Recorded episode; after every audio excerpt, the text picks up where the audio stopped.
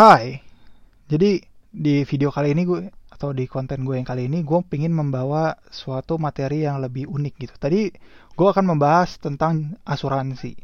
Oke, jadi asuransi yang mau gue bawa ini adalah temennya Jiwasraya. Nah, Jiwasraya kan sempat ada isu tuh, Jiwasraya asuransinya bangkrut gara-gara salah berinvestasi. Gitu, pokoknya terjebak ini itulah. Nah, ternyata yang kena jebakan tersebut nggak Jiwasraya doang ada asuransi lain yang milik pemerintah BUMN tapi nggak pernah tersorot. Ataupun tersorot tapi ya nggak tersorot-sorot amat. Karena spotlightnya lebih ke arah Jiwasraya. Kenapa hal itu terjadi? Sini gue bahas. Nah jadi ada uh, eh, FYI itu ya. Jiwasraya itu kerugiannya senilai 16 16,8 T kalau nggak salah kata BPK 16,8 T. Ya betul Kata BPK 16,8 T kerugiannya. Sekarang ada asuransi lain yang kerugiannya ternyata lebih tinggi daripada Jiwasraya. Kalau Jiwasraya kan 16,8 T rugi dan bangkrut. Sedangkan kalau ini asuransi lain uh, eh, BUMN lainnya dia ruginya lebih gede daripada si Jiwasraya tapi belum bangkrut. Kenapa bisa begitu? Oke, asuransinya namanya Asabri. AS-nya itu ini akronim ya Asabri. AS-nya itu asuransi ABR itu adalah ABRI, Angkatan Bersenjata Republik Indonesia. Nah, kenapa namanya ASABRI? Kenapa pakai ABRI? Jadi ABRI-nya ini karena dibentuk tahun 1963. Uh, yang bentuk ASABRI ini adalah presiden kita Bapak Soeharto. Kemudian Pak Soeharto ini bikin ASABRI atas dasar karena kalau ABRI itu zaman dulu belum eh, for your information gitu ya sekedar informasi kalau zaman dulu tuh nggak ada yang namanya TNI nggak ada yang namanya polisi adanya ABRI gitu belum pecah. Nah ABRI ini dibu asuransi buat ABRI ini dibuat dikarenakan PNS PNS yang bukan ber angkatan bersenjata itu rasio sakitnya atau celaka cedera gitu kecil lebih kecil daripada si ABRI gitu. Akhirnya um, kan Soeharto mikir kalau ya masa yang satu cederanya lebih tinggi, yang satu cederanya uh, kurang banyak gitu, kurang tinggi potensinya. Masa harga preminya sama gitu kan? Berarti kan mau nggak mau harus dibedain nih, mana yang potensinya tinggi, mana yang potensi sakitnya kecil gitu. Karena preminya nggak bisa dibuat satu, variannya harus dibuat dua, dipisah. Akhirnya ya yang PNS non bersenjata ya pakai jam sostek zaman dulu kalau sekarang BPJS kalau sedangkan kalau si Abri ini dia itu pakai Asabri gitu. Nah si Asabri ini kemudian setelah Soeharto lengser gitu ya dibagi jadi dua gitu. Kan Abri itu soalnya pecah gitu.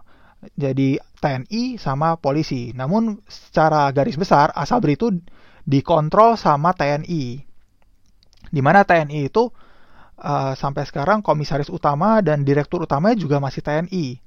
Nah, sekedar informasi, komisaris utamanya namanya sekarang tahun 2020 itu Didit Herdiawan. Sedangkan kalau direktur utama ya namanya Sony Wijaja.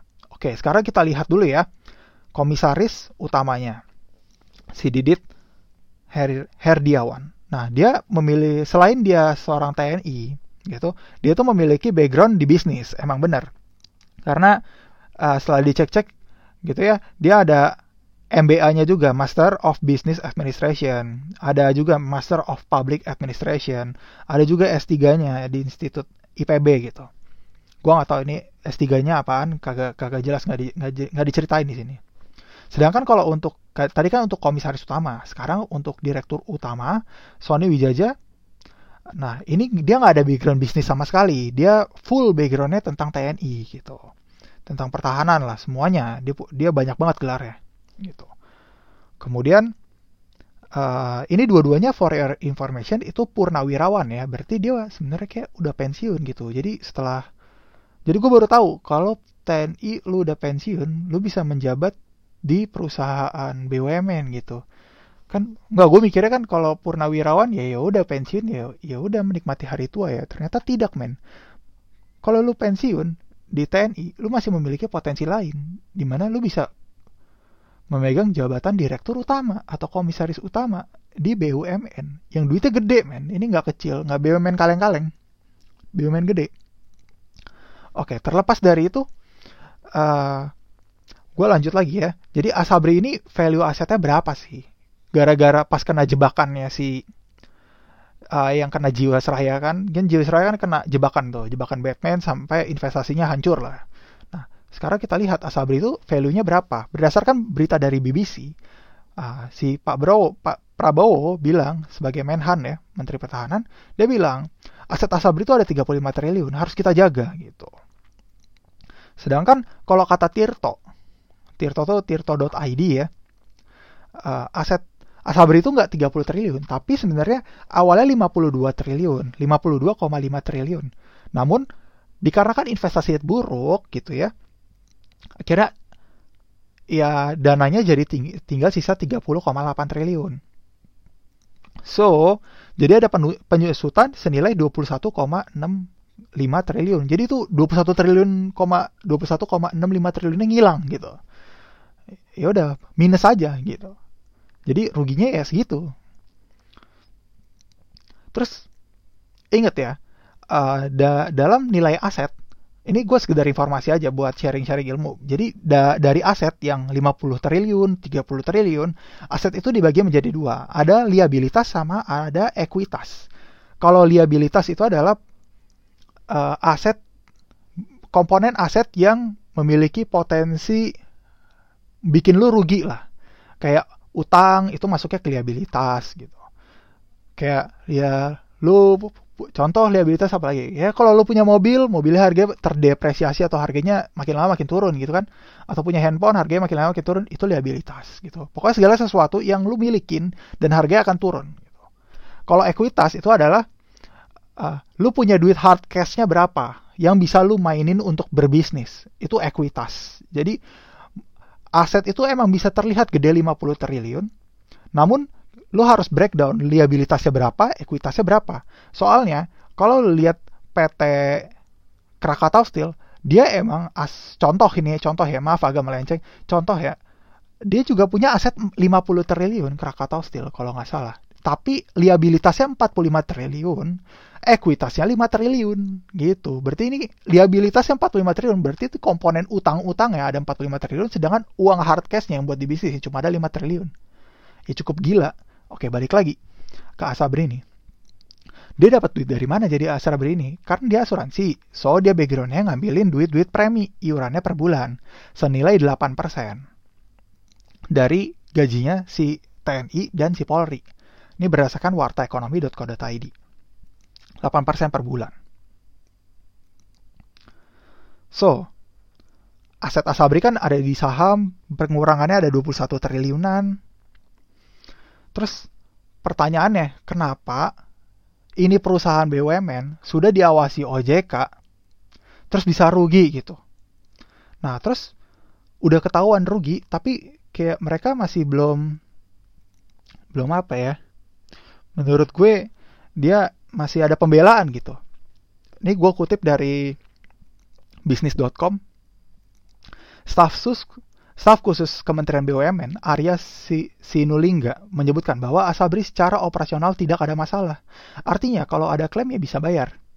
Bla bla bla bla. Terus kata Sony Wijaja juga bahwa Asabri itu mengedepankan tata kelola perusahaan yang baik, good corporate governance, dan patuh terhadap peraturan perundang-perundangan yang berlaku dalam menjalankan kegiatan usaha. Manajemen Asabri terus berupaya dan bekerja keras maksimal mungkin dalam rangka memperbaiki kinerja ke depannya gitu. Iya, dan kata BPK, BPK sudah mengaudit Asabri tahun 2016. Audit itu bersamaan dengan audit Jiwasraya dan itu performanya bagus.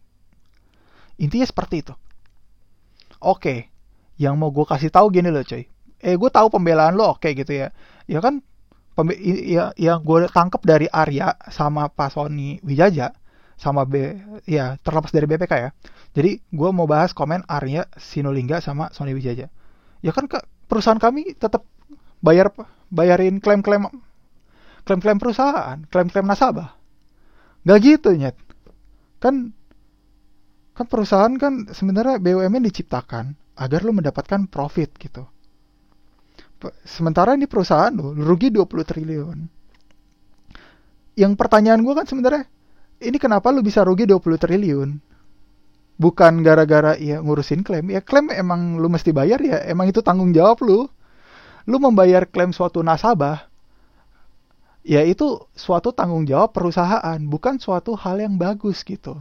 Bukan suatu hal yang baik bukan suatu hal yang bagus. Emang kewajiban lu. Gitu. Jadi menurut gue ya bukan good corporate gover governance juga. Good good corporate governance. Itu ya lu mengelola duit nasabah lu diinvestasikan dan menghasilkan cuan gitu menghasilkan untung. Ketika lu meng, mem, lu dikasih duit sama nasabah lu mengelolanya buruk sampai minus 20 triliun dari modal 50 triliun ya itu nggak ada good corporate governance-nya sama sekali. Ya gimana? Duit 50 T terus lu lu habisin 20 T sisa 30 T. Ini mana good, good corporate governance-nya? Nggak ada men. No brainer ini lu kasih anak TK juga bisa ngerjain. Lebih baik mungkin. Oke tata kelola pengurusan bla bla bla terus jadi pertanyaannya kok bisa sih Asabri pindah ke saham gitu? Jadi awalnya tuh deposito. Oh ya sorry sorry. Gue mau balik lagi ke BPK gue mau komenin BPK 2016 kata BPK ini gue udah audit kok tahun 2016 sama Jiwasraya performanya bagus. Men lu kan ngauditnya tahun 2016 kasus Jiwasraya dan Asabri terjebak investasi itu tuh di tahun 2020, 2020 2019 ke 2020 ya kalau lo auditnya tahun sekian ya juga sama aja bohong. Ya Bill Gates kalau lo audit tahun 90 atau tahun 80 ya performanya masih jelek. Masih kere. Ya, kalau lo auditnya sekarang ya dia kayak mampus. Ya, ya argumen lo jadi menurut gue ya nggak ngotak Oke, gue akan lanjut kalau kayak gitu sekarang. Kok bisa sih Asabri pindah ke saham? Nah, jadi sebenarnya pada tahun dua sebelum tahun 2013, Asabri itu berdasarkan data di Tempo, dia tuh sebenarnya investasinya backgroundnya ke deposito. Namun setelah semenjak tahun 2013 dia pindah narik duitnya dari deposito pindahin ke saham dan reksadana. Oke, kenapa sih dia pindahin ke saham dan reksadana? Kenapa nggak saham doang? Jadi peraturannya gini coy kalau lu sebagai asuransi, lu menginvestasikan dana nasabah, lu nggak bisa ke dalam bentuk saham. Lu harus pecah ke saham sama reksadana. Nanti reksadana, kalau lu nggak ngerti reksadana, reksadana itu adalah kumpulan saham. Nah, jadi nanti si Asabri itu bisa naruh di kumpulan saham, di mana ya yang penting judulnya kumpulan saham. Kumpulan saham itu adalah reksadana gitu. Reksadana A, B, C, jadi kumpulan saham 1, 2, 3, yaitu reksadana A, kumpulan saham 6, 7, 8, 9, 10, ya reksadana B gitu. Jadi ya bisa aja saham 1, 2, 2 saham sampah-sampah 1, 2, 3, 4, 5 ditaruh reksadana A, saham sampah-sampah 6, 7, 8, 9, 10 ditaruh reksadana B, bisa aja. Yang penting judulnya reksadana, yang penting judulnya adalah kumpulan saham gitu. Kan karena konsepnya adalah yang penting terdiversifikasi. Nggak dibahas tentang ya lu mendiversifikasinya jangan ke sampah semua ya. Nggak ada nggak ada dibahas. Yang penting terdiversifikasi aja. Gitu. Oke? Ya kalau lu masih agak bingung ya agak diulang-ulang aja. Pokoknya intinya ya triknya sebenarnya peraturannya seperti itu. Oke gue lanjut lagi nih ya. Terus Asabri itu investasinya di mana sih di sahamnya? Nah dia tuh invest di saham-saham yang small cap kenapa dia bisa invest di saham-saham, narik duit gitu ya dari deposito langsung ke saham gitu. Karena sebenarnya dari tahun 1976 laporan keuangannya udah negatif underwriting, berarti dia nggak cuan dari tahun 1976. Udah nggak untung, jadi akhirnya dia mikir, waduh, gue harus cari untung nih, gimana ya caranya? Ya udah deh, gue tarik aja deposito gue, gue investasiin ke saham. Kebetulan gue udah tahu orang-orang saham dan pola-polanya gimana, gitu dasarnya ya udah ditarik aja sama dia. Nah, terus tipe investasinya si Asabri itu, dia itu biasanya investasinya di saham-saham yang small cap. Ada artikelnya, coba gue cek dulu ya.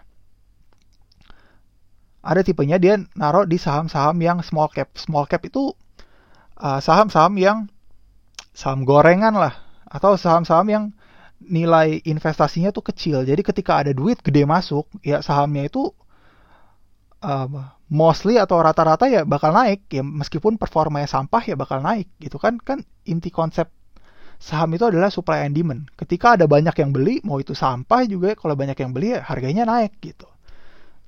Iya, pokoknya kalau teori ekonominya itu namanya pump and dump.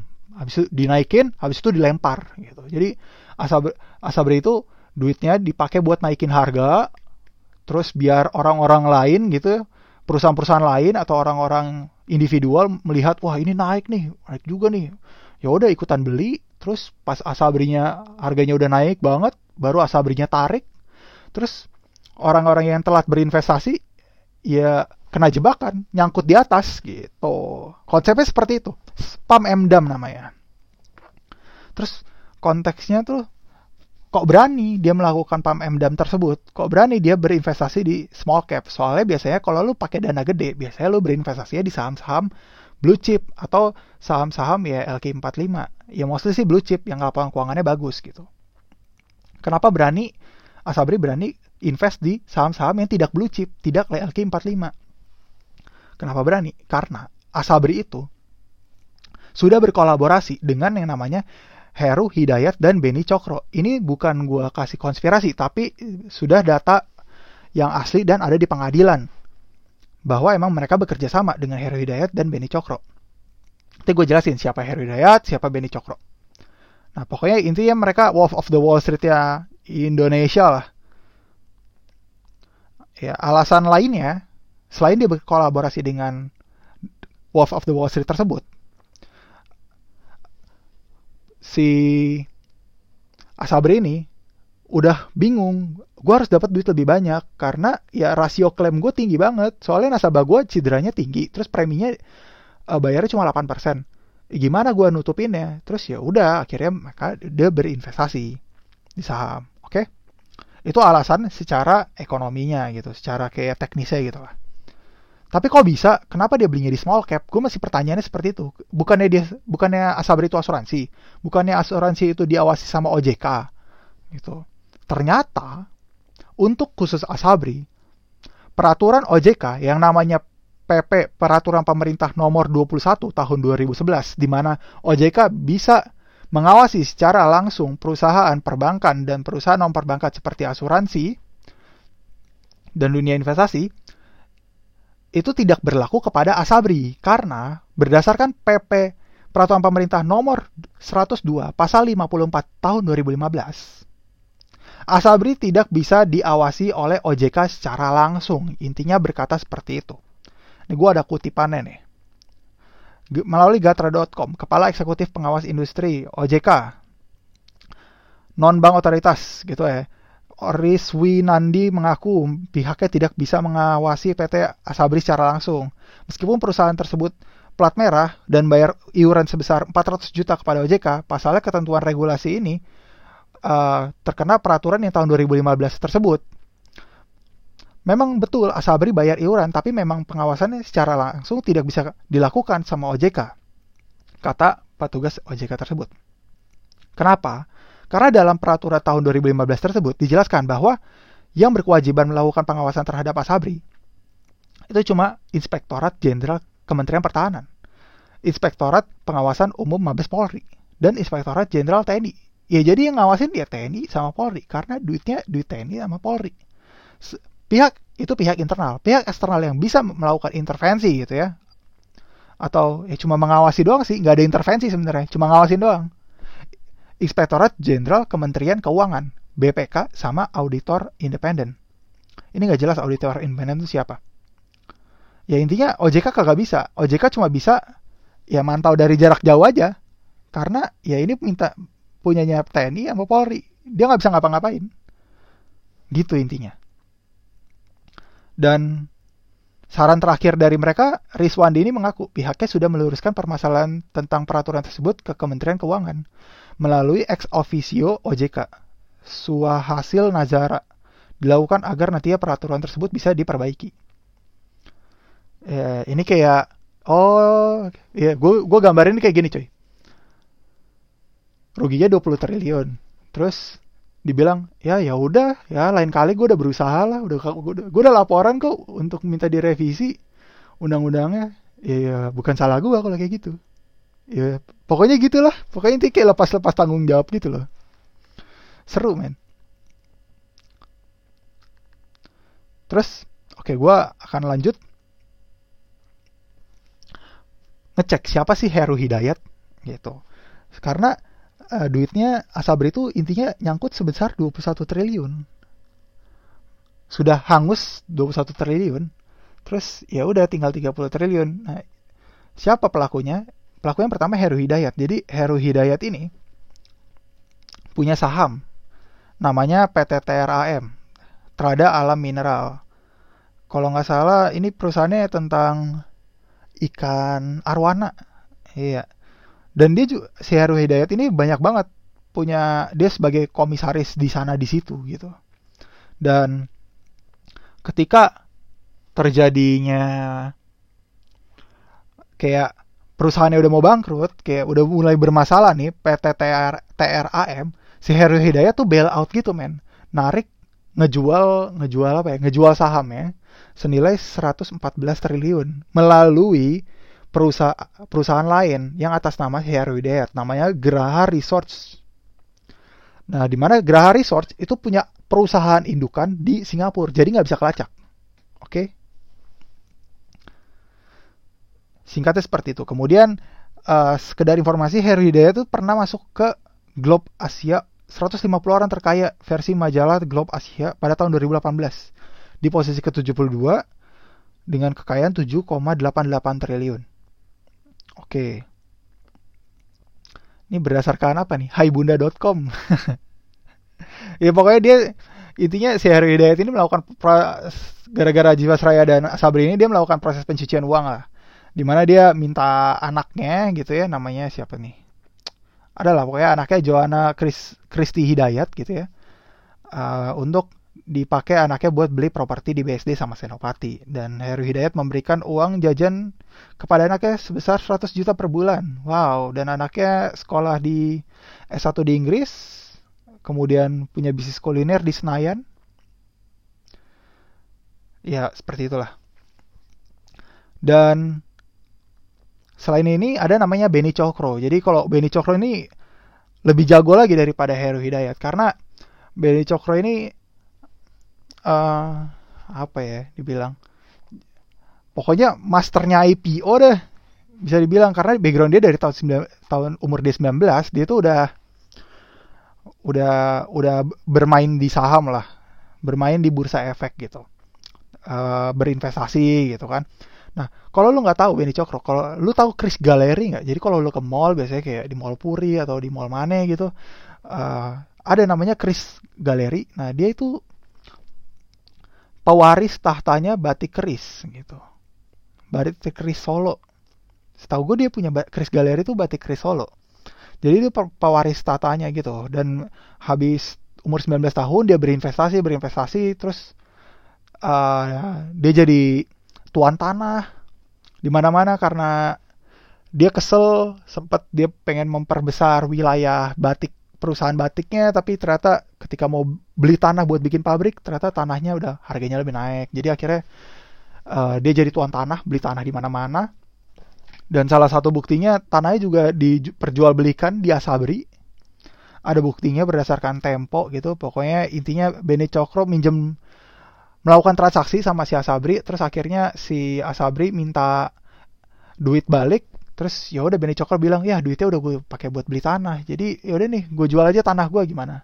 Tapi sayangnya tanahnya udah digadein ke bank kapital jadi kayak kena jebakan Batman lagi ya Asabrinya gitu kan karena ya tanahnya udah digadein ke bank. Tapi Asabri ngambil itu tanah buat transaksi. Ya pokoknya cukup unik lah hubungan antara Asabri dengan Benny Cokro dan pencucian uangnya biasanya dia menggunakan uang-uang kasino gitu. Jadi uangnya disetor di deposito kasino dan konteksnya dibilang bayar utang. Kasinonya ada yang di Singapura, ada yang di Makau, ada yang di New Zealand, macam-macam. Dan emang sudah terbukti ya si Heru Hidayat merugikan Jiwasraya dan Asabri. Dan sampai sekarang tahun 2020 bulan Oktober ya masih di persidangan. Tapi kalau Jiwasraya kan sidangnya umum gitu ya. Tapi kalau si Asabri itu karena di cover ya sama Polri sama Ab TNI ya di sidangnya mungkin tertutup kali ya. Soalnya setelah gue search search kagak ada data-data tersebut. Begitu. So buat lu yang kepo tentang salah satu asabri ini ya seperti itulah laporannya itu aja sih ya data-datanya soalnya uh, mungkin karena asabri ini perusahaan tertutup dan di cover sama TNI sama Polri ya gue nggak bisa dapat data terlalu banyak tapi kalau terlalu banyak ada tukang bakso depan rumah gue. Jadi ya sekian aja itu materi gue. Gue rangkum ya. Jadi Asabri itu adalah perusahaan yang di cover sama TNI sama Polri. Terus di mana ternyata purnawirawan atau pensiunan TNI itu gue kira bakal pensiun ternyata dia bisa ternyata kalau lu pensiun di TNI lu bisa menjabat di perusahaan BUMN oke? Terus yang gue tangkap lagi adanya hubungan istimewa antara Beni Cokro dengan Asabri dan ada juga hubungan istimewa dengan Beni Cokro dengan Jiwasraya. Soalnya uh, Beni Cokro bisa aja, bisa melakukan mengajukan pinjaman gitu ya pinjaman namanya FTN medium term note gitu, term note gitu pinjaman menengah gitu. Dan dia proof sama Jiwasraya dan Asabri juga kayak gitu. Beni Cokro nawarin bisnis terus dia langsung dia proof sama Asabri. Ya berarti ada hubungan khusus gitu kan. Terus ternyata Abri itu dipecah jadi TNI sama Polri dan preminya ternyata senilai 8% dari gaji pokoknya mereka. Terus ternyata nilai kerugiannya Asabri lebih gede daripada Jiwasraya di mana Jiwasraya 12,6 atau 12,8 triliun sedangkan kalau Asabri itu 21,6 triliun. Dan yang lebih parahnya adalah kalau Jiwasraya habis rugi langsung tutup itu perusahaan kalau Asabri itu habis rugi ya perusahaannya tetap jalan karena asetnya jauh-jauh lebih gede dan emangnya di cover sama TNI Polri. Ya masa perusahaan punya TNI Polri tutup perusahaannya? Ntar TNI Polri gimana? Masa yang demo depan DPR TNI Polri kan keras. Ntar yang mau menghadang depan DPR siapa? Iya gue juga bingung sih kalau yang demo TNI Polri gimana ya? Keras banget sih nggak dibom itu ya. Kagak tahu dah pokoknya ya seperti itu. Dan OJK ternyata kalau untuk hubungan tentang perusahaan-perusahaan yang ada hubungannya dengan Kemenhan Menhan Kementerian Pertahanan gitu ya berdasarkan ternyata, ternyata OJK tidak memiliki taring gitu. Padahal kalau di dunia asuransi swasta perbankan OJK tuh amat sangat ditakuti. Tapi ternyata OJK kalau untuk di perusahaan Menhan seperti Asabri itu nggak punya taring sama sekali. Karena yang punya taring itu ya Polri itu sendiri dan TNI dan pihak luar itu yang cuma bisa mengawasi.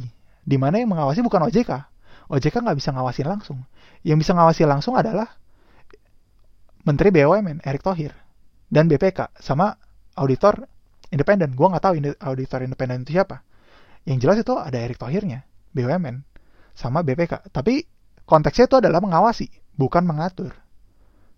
Eh jadi ya intinya adalah ya TNI Polri terserah TNI Polri mau ngapain. Kalau BUMN si Erick Thohir ya cuma bisa ngeliatin doang.